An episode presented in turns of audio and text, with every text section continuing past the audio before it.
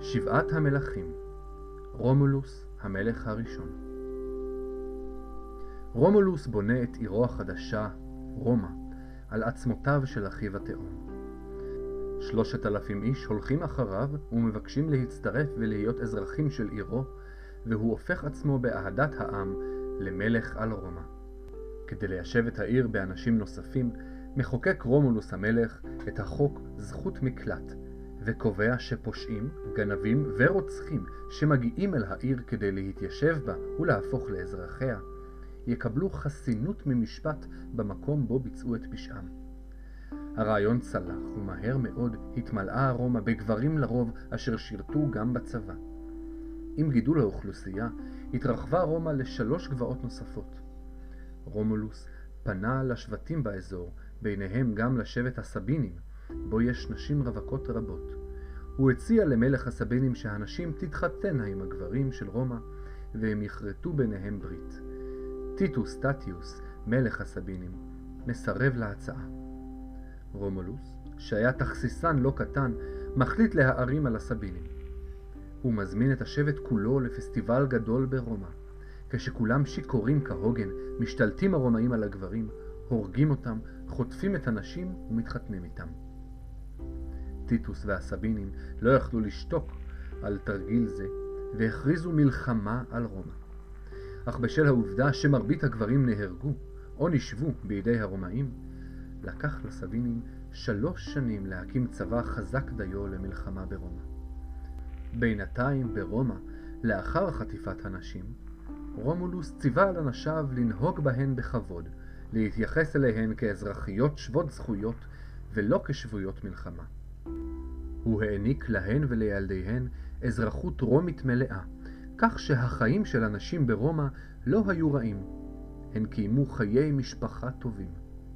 זו הסיבה, על כן, שכאשר שלוש שנים לאחר מעשה החטיפה עמדו שני הצבאות זה מול זה במטרה להילחם זה בזה, היו אלו הנשים שמצאו פתרון ומנעו את שפיכת הדמים.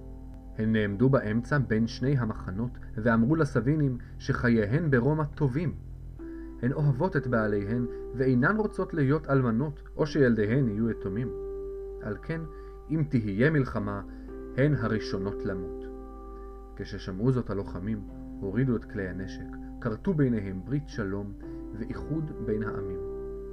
הסבינים הפכו לאזרחי רומא וקיבלו על עצמם את מנהיגיה וחוקיה, וטיטוס עצמו מצטרף לרומולוס לשלטון משותף. זמן קצר לאחר מכן מת טיטוס מוות מפתיע ונלקח לקבורה בלא טקס מיוחד. רומולוס בנה את רומא כעיר מדינה צבאית. הציוד הצבאי היה אישי, וככל שלחייל יש יותר כסף, כך ציוד הלחימה שלו טוב ואיכותי יותר. העשירים ביותר זוכים למעמד גבוה בצבא, ובעלי המעמד הגבוה בצבא זוכים, כמובן, למעמד אזרחי מכובד יותר. רומא כובשת עוד ועוד שבטים וערים. כל עיר או שבט כבוש נאלץ לשלם לרומא מיסים ולשלוח את הגברים והילדים לצבא. האנשים מהערים שנכבשו זוכים לעצמאות מלאה ולכבוד, אך לא הופכים לאזרחים שווי זכויות ברומא.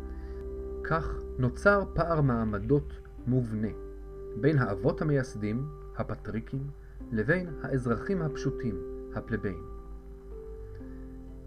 אף על פי שתמיד רכש בוז מסוים לפשוטי העם, ידע רומולוס שעל מנת לשלוט בהמונים, הוא צריך להיראות כמתעניין בהם ובצורכיהם, אפילו אם זה למראית עין בלבד.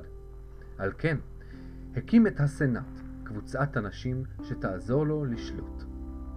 אופן הקמת הסנאט נעשה כך. הרומאים חולקו לשלושה שבטים. השבט הראשון היה הלטיני, הרומאים הראשונים. השבט השני, סביני, והשלישי, כל שאר האזרחים שהצטרפו במהלך השנים. שני השבטים הראשונים נחשבו לעליונים יותר או מכובדים יותר, והשבט השלישי היה פחות ערך מהם. מכל שבט משני השבטים העליונים נבחרו מאה אנשים.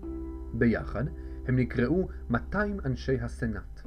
הסנאטורים יעצו לרומולוס ועזרו לו לשלוט. בנוסף, כדי לשמוע גם את קולם של הפלבאים, ייסד רומולוס את אספת העם ובה היו עשרה נציגים מכל אחד מהשבטים. כך, בעזרת נציגי אספת העם, יכלו הפלבאים להשמיע את קולם ולנסות להשפיע על התנהלות העיר הגדולה שנבנתה.